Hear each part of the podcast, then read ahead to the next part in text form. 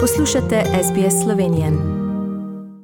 Za normalno delovanje telesa in na dobro zdravje potrebujemo številne hranilne in zaščitne snovi. Med pomembne snovi sodi tudi železo. Kakšna pa je njegova vloga, da dr. Belevičeva in najprej lepo zdrav na slovenski vdaji v Avstraliji? Tudi vam lepo zdrav. Železo je sestavni del rdečih krvničk oziroma hemoglobina, ki je odgovoren za prenos kisika v telesu.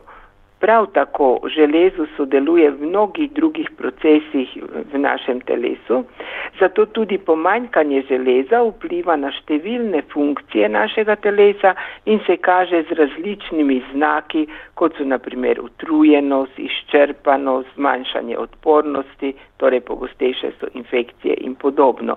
Potrebe po železu so večje v otroštvu, torej ko otroci rastejo, nosečnosti, pa pri ženskah v rodni dobi in pa starejši. Zato je pomanjkanje železa pri njih se tudi kaže z različnimi znaki. Prav tako so ogrožene osebe, ki imajo nezdrave prehranske navade ali so pogosto na različnih modnih dietah ali nepreverjenih načinih prehrane, potem osebe z motnjami prehrane, kot je naprimer anoreksija, ter nekaterimi boleznimi. In kako pa si lahko zagotovimo zadostne količine železa? Torej, eh, če ni prisotna kakšna bolezen, ki bi pač doprinesla k pomanjkanju, potem je absolutno na prvem mestu pestra prehrana. Vedeti moramo, da se želo, železo boljše izkorišča iz živil živalskega izvora. Živila bogata železom so meso, ribe, jetra in rumenjak stročnice, zelena listnata zelenjava, potem suhe slive, rozine in marelice, pa polnovredna pšenica in ješpren ter oreški vsebujejo tudi železo, ki pa se nekoliko manj izkorišča. Če z omenjenimi živili istočasno zaužijemo živila bogata s C vitaminom, recimo sveža zelenjava, sadje, se železo veliko bolj izkorišča. In ali drži, da nekatere živila lahko zmanjšajo izkoriščanje železa? Ja, nekatera živila oziroma njihove sestavine lahko zmanjšajo izkoriščanje železa. To je hrana bogata s kalcijem, pa oksalati ter kava in čaj in podobno. Zato jih ne uživamo istočasno s hrano bogato železom. Recimo z rastlinskimi uh, oksalati so bogati rabarbara, špinača, pesa, blitva, pa tudi kakav v prahu. Kako pa kombinirati eh, živila, da bo izkoriščanje železa čim boljše? E, ko uživamo rastlinska živila, bogata železom, kot so fižol, brokoli, špinača, blitva, ohrod, suho sadje, recimo slive, rozine, oreški, vključimo tudi živila bogata s C-vitaminom, recimo papriko, brokoli, zelje, paradižnik, kivi, pomarančo, ribe, jagode in maline.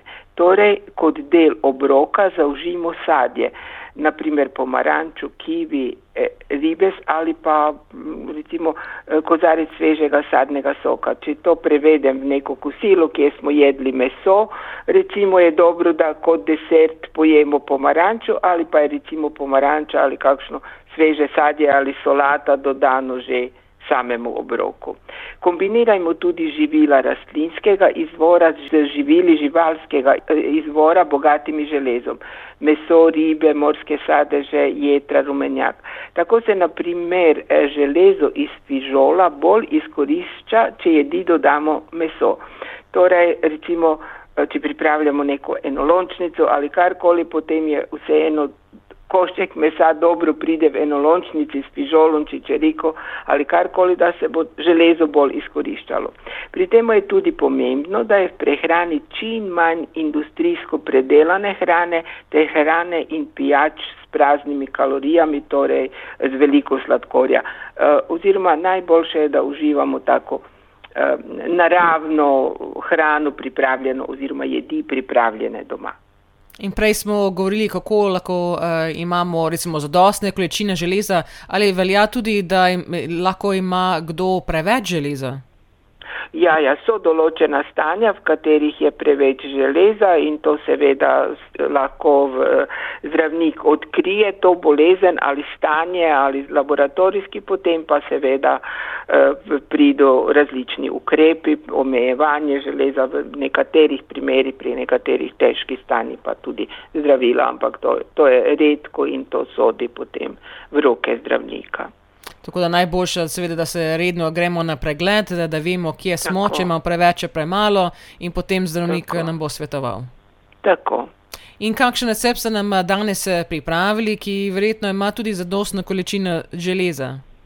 Tako, odločila sem se za recept, kateri kombinira živila, tako da v tej jedi eh, so vsa tista živila, ki eh, pripomorejo k eh, boljšem izkoriščanju železa.